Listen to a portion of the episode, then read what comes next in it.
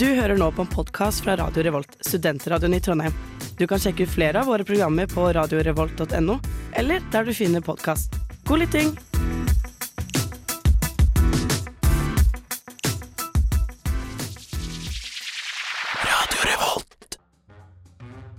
Vitenskap er Vanskelig. lett Mangfoldig. fremtiden. Mye rart. Kultur. Pseudovitenskap. Verdifullt. Ord, bilder. Og begavet tenkning. Underholdende. Fascinerende. Og dypt. Fett! Gøy. Rotete. Mye rart. Og alt mulig. Vitenskap er Vitenskap er Vitenskap er uillustrert vitenskap. uillustrert vitenskap. Uillustrert vitenskap.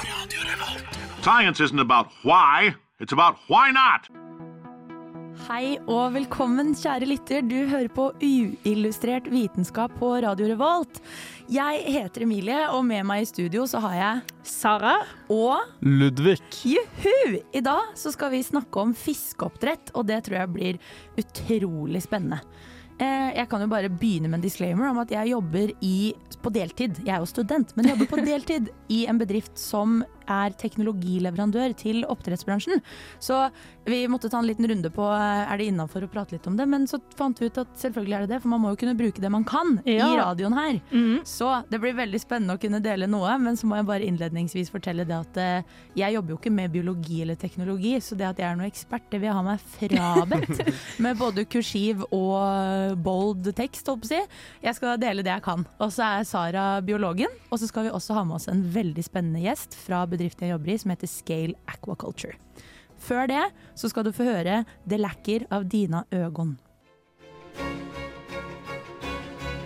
Ja, kanskje, man kan, kanskje man kan ta alle de lydene, legge det over en tun, og så sier vi Jo, du hørte på uillustrert vitenskap. Ja, det stemmer, og du hørte det hos Uillustrert vitenskap.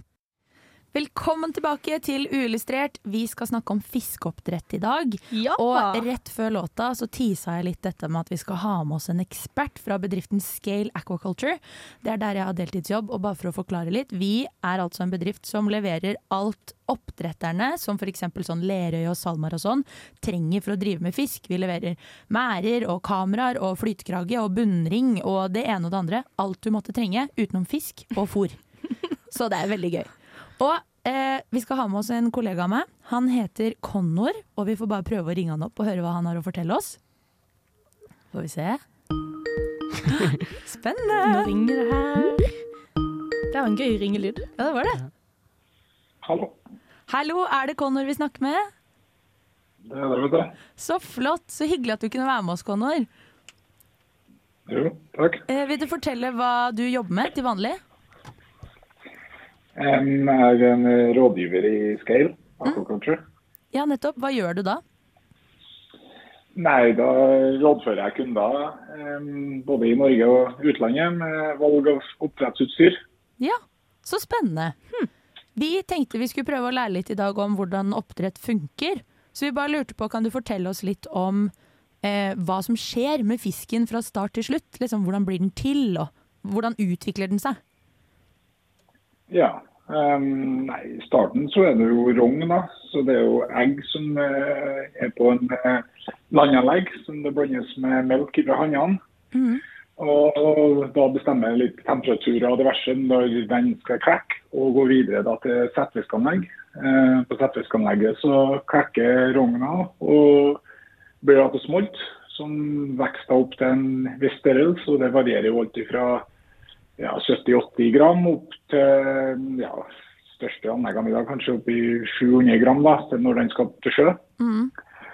Og så blir den frakta ut med båt fra land til sjø, og går i merdene ute i sjøen, som dere ser. Og blir tora da opp til fra ja, det den har satt ut til, opp til 5-5,5 kilo. Og går videre da til slakt, og blir slakta foredla og sendt ut til, til butikkene.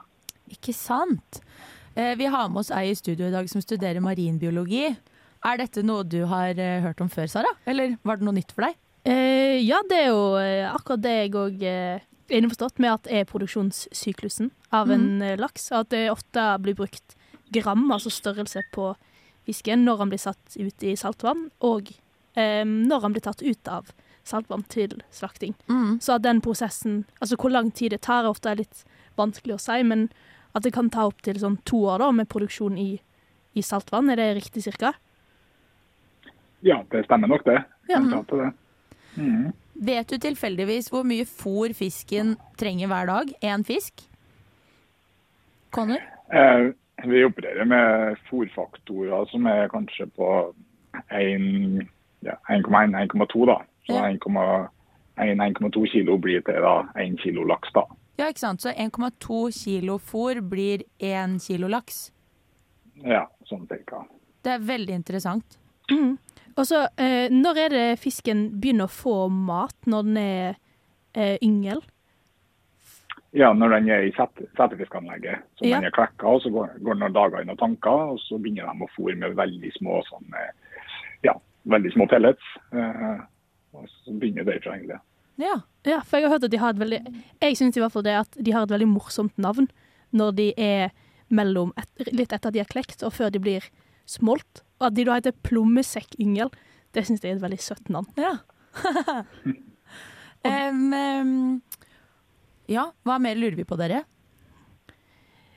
Nei eh, Det hørtes ut som det var en veldig konkret uh, Prosess? prosess. Mm. B.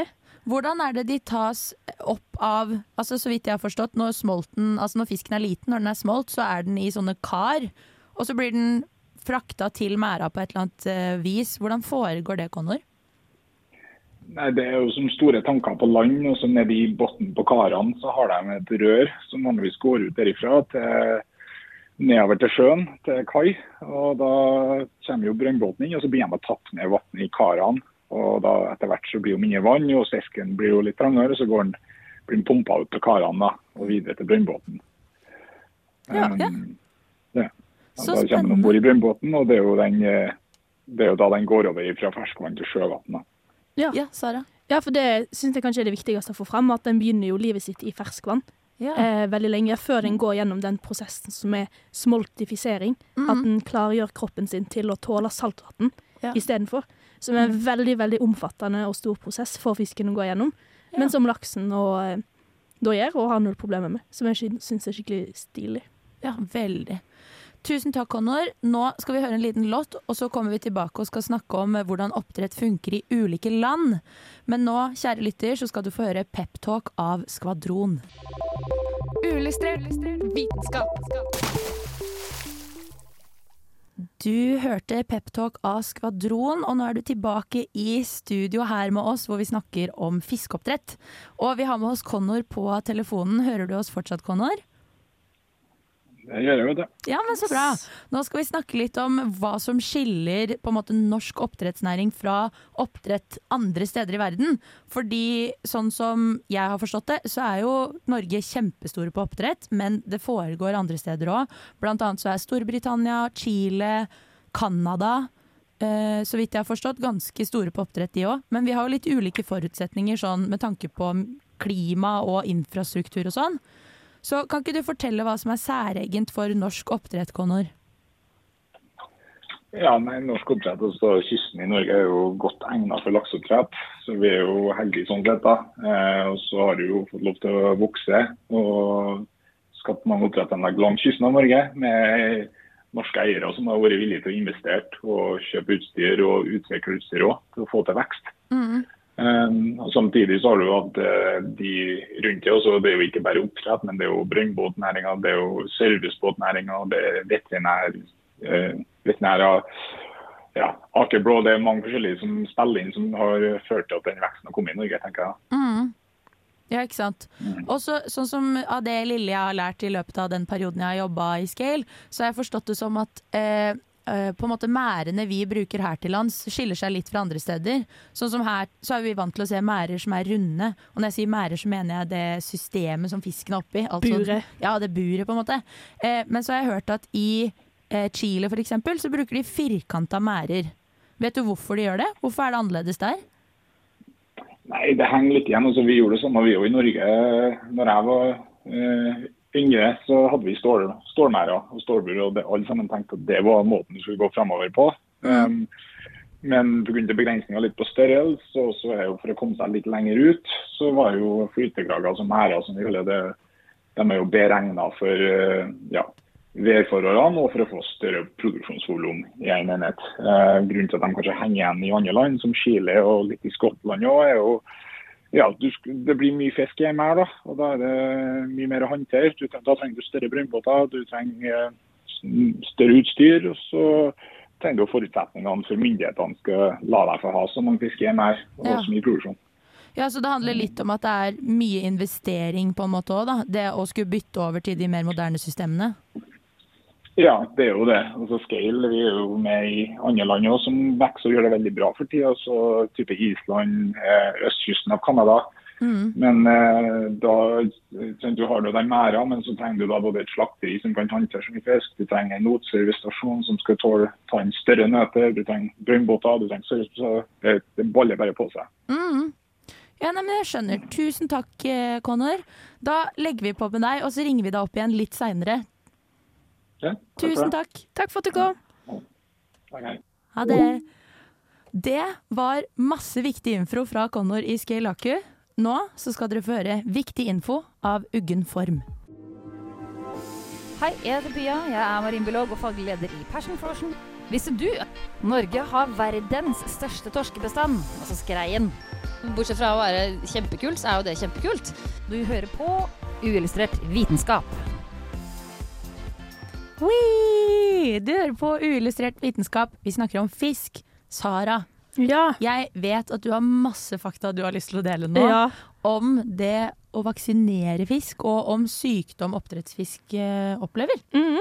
Du må bare kjøre i gang, for her vet jeg du har mye å gå på. Ja, det er litt farlig å eh, vite at jeg har masse jeg skal si, Fordi da klarer jeg ikke å få sagt alt jeg skal si. Så vi bare begynner en plass. Det første jeg skal snakke om, er jo at eh, når vi skal ha masse fisk eh, sammen, så kan det lett skje sykdommer. Og for å forebygge dette, så får fisken vaksine.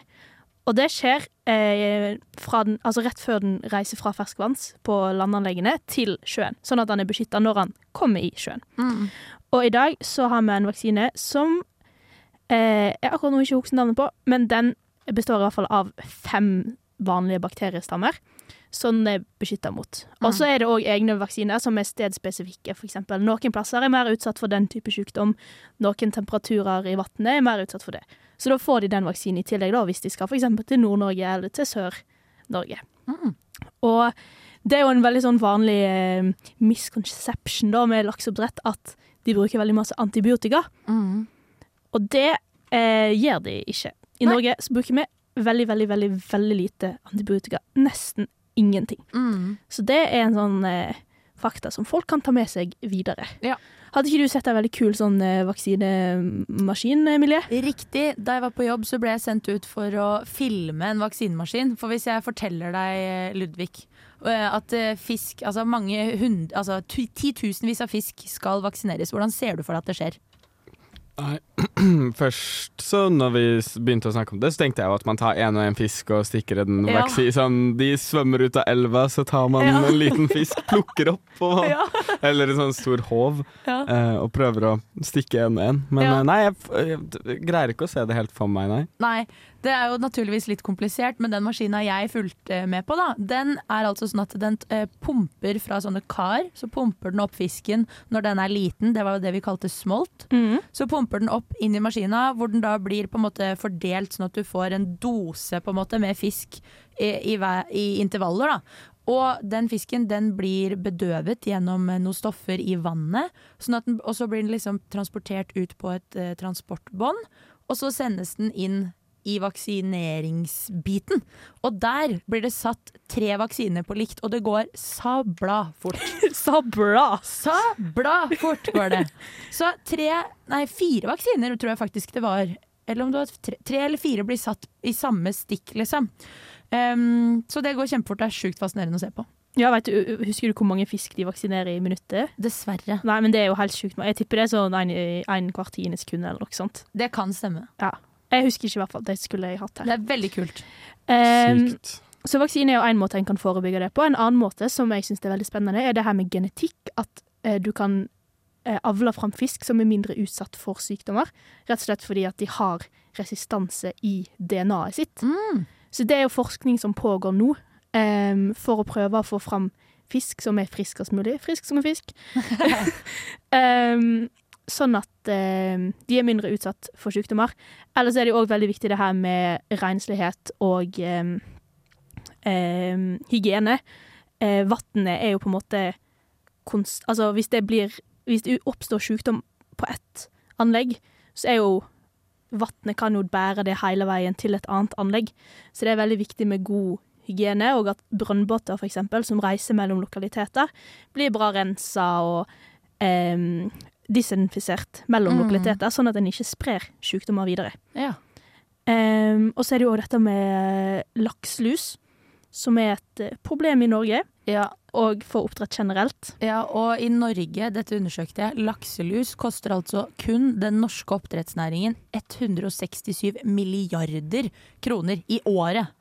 Kun for Norge, altså Mm. oppdrett i Norge. Det er et kjempestort problem.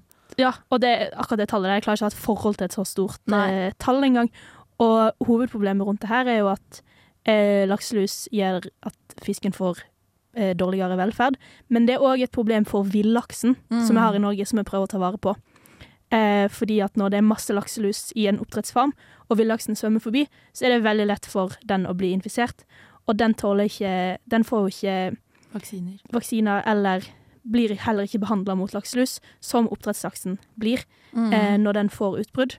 Så da er det ja, men, og det er vel anslått at vi mister rundt 10% av villaksen vår til lakselus det er mye. i eh, eh, Skal vi se, var det i året? Ja. I året. Ja. Det er kjempemye. Og så synd på villaksen. De lever jo ikke i fangenskap engang, og så likevel så blir de litt utsatt for det. Ja. Men eh, vet du om det finnes noen løsninger på det? Kanskje vanskelig å si på veldig kort tid. Ja, veldig vanskelig å si på kort tid. Det kan Dessverre. vi komme tilbake til. Nå så skal dere få høre 'Enter the Deep' av Glassmanet. Jeg heter Fetisha, og du hører på Radio Revolt.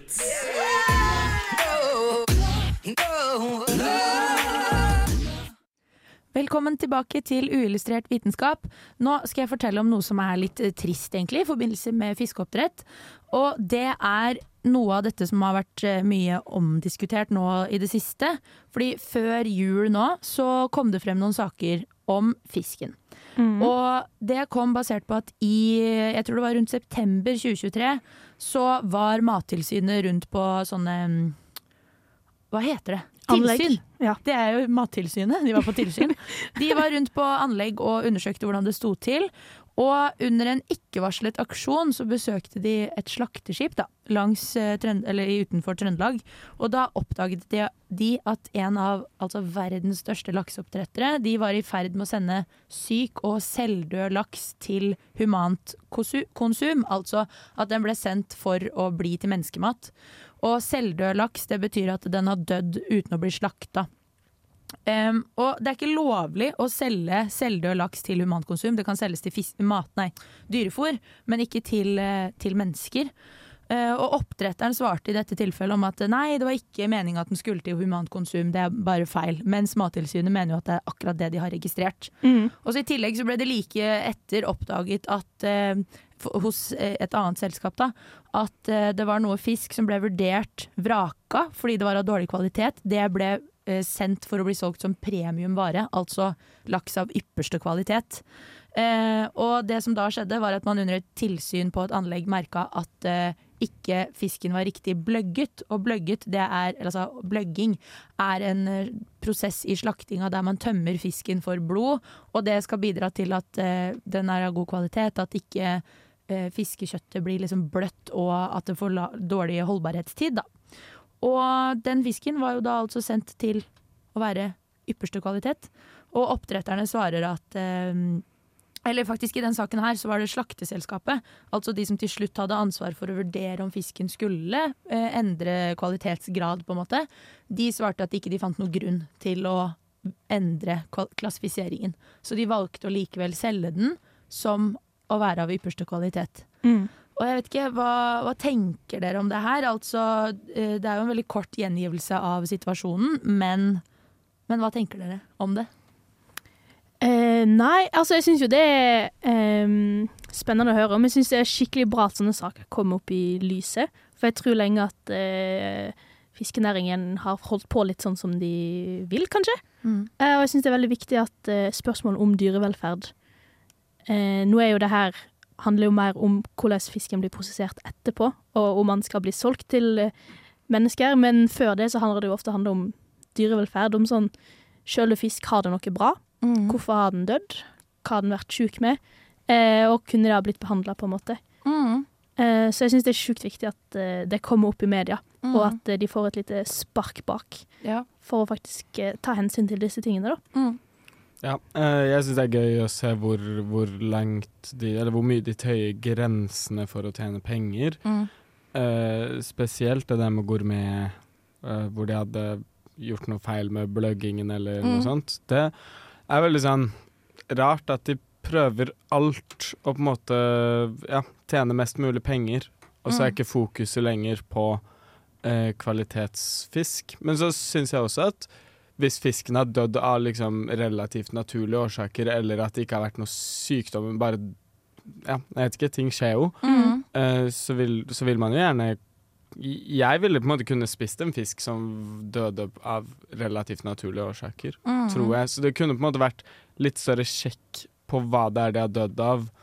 Um, og så kunne man på en måte fiksa det, i stedet for at Mattilsynet kommer og tar alle de Eller sier at det Eller selvfølgelig er jo det helt feil, fordi Mm. det er jo en regel fra Mattilsynet, men jeg syns man kan strekke de grensene litt mer om hva som er spiselig fisk eller ikke, Ja, ikke sant? tror jeg. Og det jeg tenker, som du sier, Sara, om at det kommer frem, det er jo det at det er bra at det blir lagt litt press på. Vi vil jo sørge for absolutt best mulig fiskehelse, og da er det Mm. bra å sna liksom, poengtere hva man kan gjøre bedre. Og det var vel du, Sara, som hadde hør lest eller hørt et eller annet om at de ønsket å kanskje innføre en merking der altså, fisk som har dødd av sykdom, det kan du se når du kjøper den på butikken. Var det det du hadde lest? Ja, eh, det var noen som jobber for at eh, det skal bli eh, tydelig for forbrukerne hvis fisken har hatt en sykdom mens den har vært i merden. Mm. Eh, og det er det veldig kontroversielt, fordi eh, hvis den blir solgt i butikken, så skal den være trygg å ete. Så da skal det ikke være nødvendig å på en måte Fordi at sykdommer som fisken har hatt, er ikke smittsomme til mennesker. Mm. Så det har på en måte altså, i hermetegn ingenting å si for deg som eter fisken. Mm. Det handler bare om at du veit hvordan fisken har hatt det. Ja. Um, men det at fisken Det er veldig vanskelig å gjøre i praksis, da, fordi fiskene kan være bærere av sykdommer som du ikke ser. Mm. Så da må du undersøke hver enkelt fisk etter at det blir slakta. Så det er veldig mange sånn pros and cons her, da. ehm, fra ulike sider. Mm. Ja, eh, det er jo litt sånn det å selge fisk som er dødd av en sykdom, eller har hatt en sykdom og sånt, og det å på en måte skrive det um, på pakken, det vil være litt sånn merkelig, men det går også an å For jeg syns det er kult at de bruker det som fôr, at de kan liksom bruke død fisk og sende det som, som dyrefôr. Men det går også an å liksom eh, gjøre sånn som hvor man selger uh, mat eh, som har gått ut på dato, eller sånne ting på holdbart, eller mat som har blitt ødelagt i transport, selger det på andre plasser. Det kan ikke gå til vanlige butikker, men det Mm. kan selges på andre plasser til de som vet det, eller de som vil ha det. Så kan man få det billigere, Mm. fordi det uansett må kastes, da. Ja, ikke sant. Nei, ikke. Veldig bra, i hvert fall at det er eh, noe man kan snakke om. Mm, Riktig. Og nå så skal dere få høre 'This Time' av Hilma Nikolaisen. Dette er eh, fysiker, programleder eh, og fire ganger norgesmester i morellsteinspytting, Andreas Wahl. Det skjønte du på den introen. Og akkurat nå så lytter du til uillustrert vitenskap. Men det visste du forhåpentligvis. Og som våre faste lyttere er klar over, så har altså Sara deltatt i morellsteinspytting imot Andreas Wahl. Wow! Veldig gøy fakta om deg, altså. Ja. Eh, vi vil også snakke litt om eh, fremtidsutsiktene i oppdrett. Og da tenker jeg vi skal ta oss og ringe opp eh, Connor igjen, ja, og høre hva han tror. Kommer den Ja, ringer kule vi gjøre. ringelyden igjen. Ja. Med en beat i bakgrunnen. Det er jo Skype-ringetonen. Hallo. Hei igjen, Connor. Hallo! Vi tenkte vi skulle spørre deg om hva du tror er fremtiden i oppdrettsnæringa. Hva skjer fremover nå?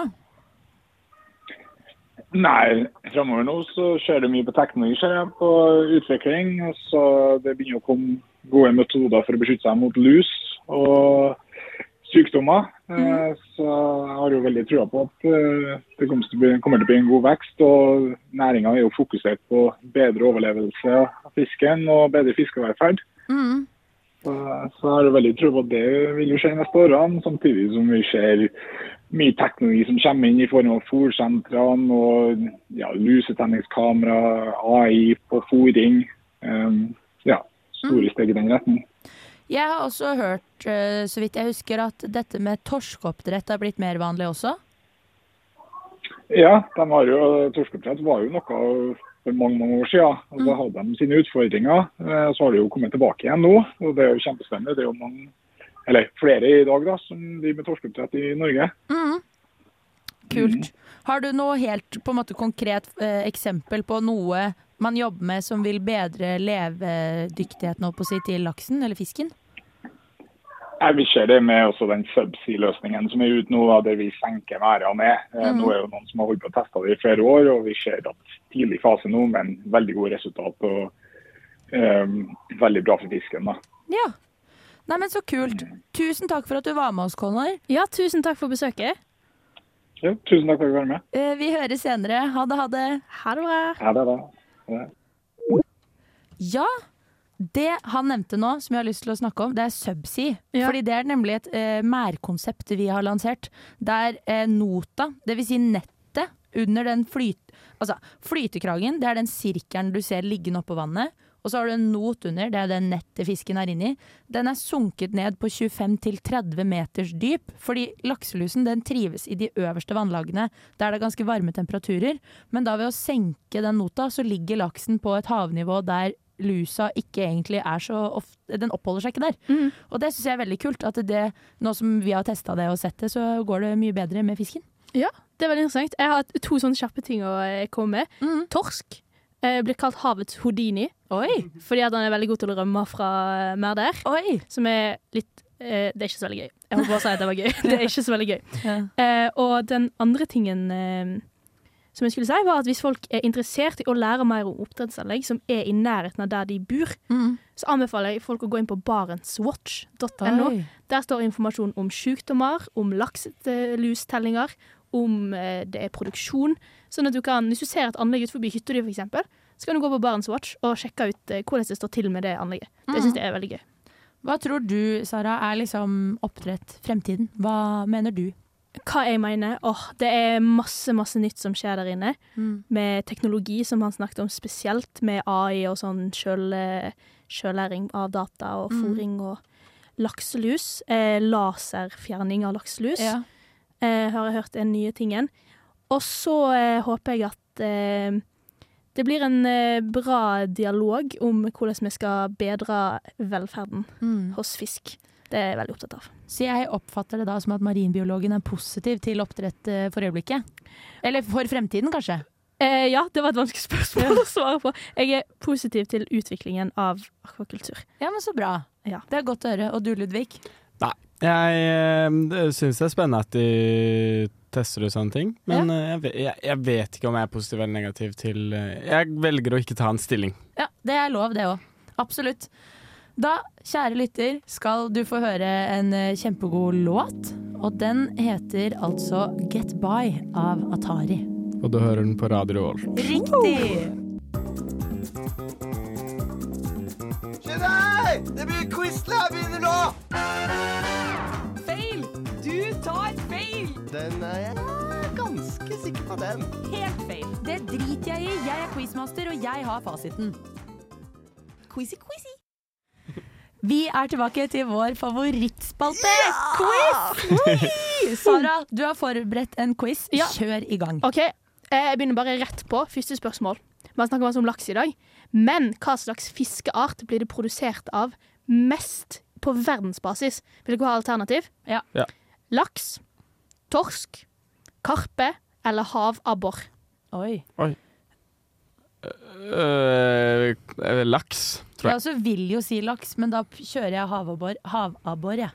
Null poeng til begge to. Det er karpe. Karpe, hva er det for noe? Det er, det er I Asia så er det det de produserer, i ferskvann der. Ulike typer oh, karpe. shit. Veldig populær matfisk der. Jeg trodde det var en musikkgruppe, ja, men OK. OK, er du klar for neste? Ja. Ja. Hva land produserer mest innenfor akvakultur. Og når vi sier akvakultur, så er det fisk, skalldyr, krepsdyr og alger. Og alger? Ja. Så hva land i verden? Oi, har du alternativer? Eh, ja, det kan komme for alternativer. Det er Sør-Korea, Mm. Norge, Japan eller Kina. Jeg heter Japan. Eh, ja, jeg tenkte Før du ga oss alternativer, så tenkte jeg Kina. Fordi det er vel et stort land. Ja. Ja. Så det er, det, det er mitt svar. Og det er helt riktig. Ja. Søren! det er ett poeng til deg, eh, Ludvig. Eh, Norge produserer mest laks på verdensbasis. Lille Norge. På Eh, verdensbasis eller per person? På verdensbasis Oi. totalt.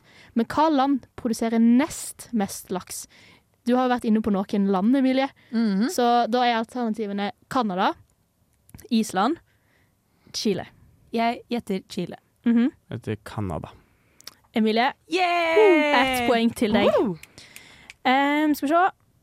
Da kommer vi inn på litt eh, andre ting. Hvor mange villaks fins det i Norge i dag? Oi. Og eh, dere kan få at det er eh, Jeg har ikke alternativer til dere. Hvor mange villaks? Jeg gjetter Det er plass til ca. 250 000 laks i en merd. Ja. Jeg gjetter at det finnes én million villaks i Norge. Jeg tipper eh, eh, dobbelt så mye som Norges befolkning, så rundt ti millioner. 10 millioner. Ja.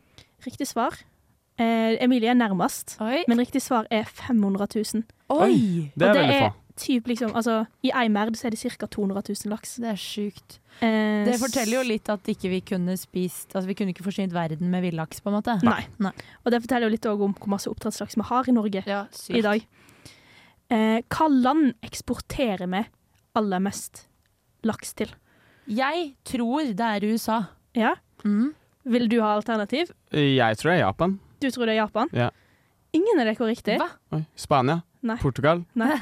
Si alle land i verden, da. OK. Nei. Ja, nei, OK. Gi oss svaret, da. Ja, det er Polen. Polen? Polen? Ja. Hva? Og det er fordi at uh, veldig masse av eh, laksen blir på en måte videreforedla der, da. Ja. Eh, og laget til sånn røykelaks eller sånne der ting. OK, ja, fordi Ja. jeg tenkte Ja, nei, vi, det er ikke så viktig. Nei, jeg skjønte hva du tenkte. Mm. Så spennende. Da går vi ut uh, på den. Hvem ble vinner, Sara? Jeg tror jeg skal ta tellingen etterpå. Ja, ok, du tar tellingen etterpå. Så får vi svaret etterpå. Nå skal dere føre 'Brenn' av Kristin Evens. Radio Revolt. Du hører på Uillustrert vitenskap. Hvem vant quizen, Sara?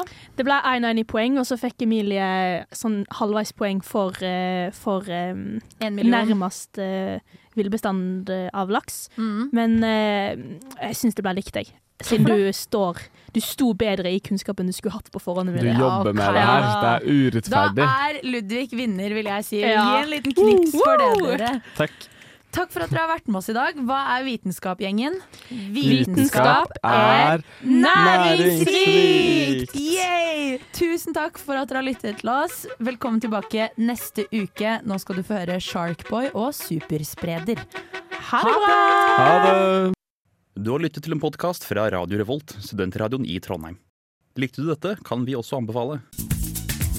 Du hører på Nesten Felg, Radio Revolt sitt bilprogram. Du hører på Nesten Elg, Radio Revolts eh, jaktprogram. Du hører på Nesten Svelg, Radio Revolts pornoprogram. Du hører på Nesten Selg, Radio Revolts reklameprogram. Du hører på Nesten Belg, Radio Revolts eh, kikertprogram. Nesten helg.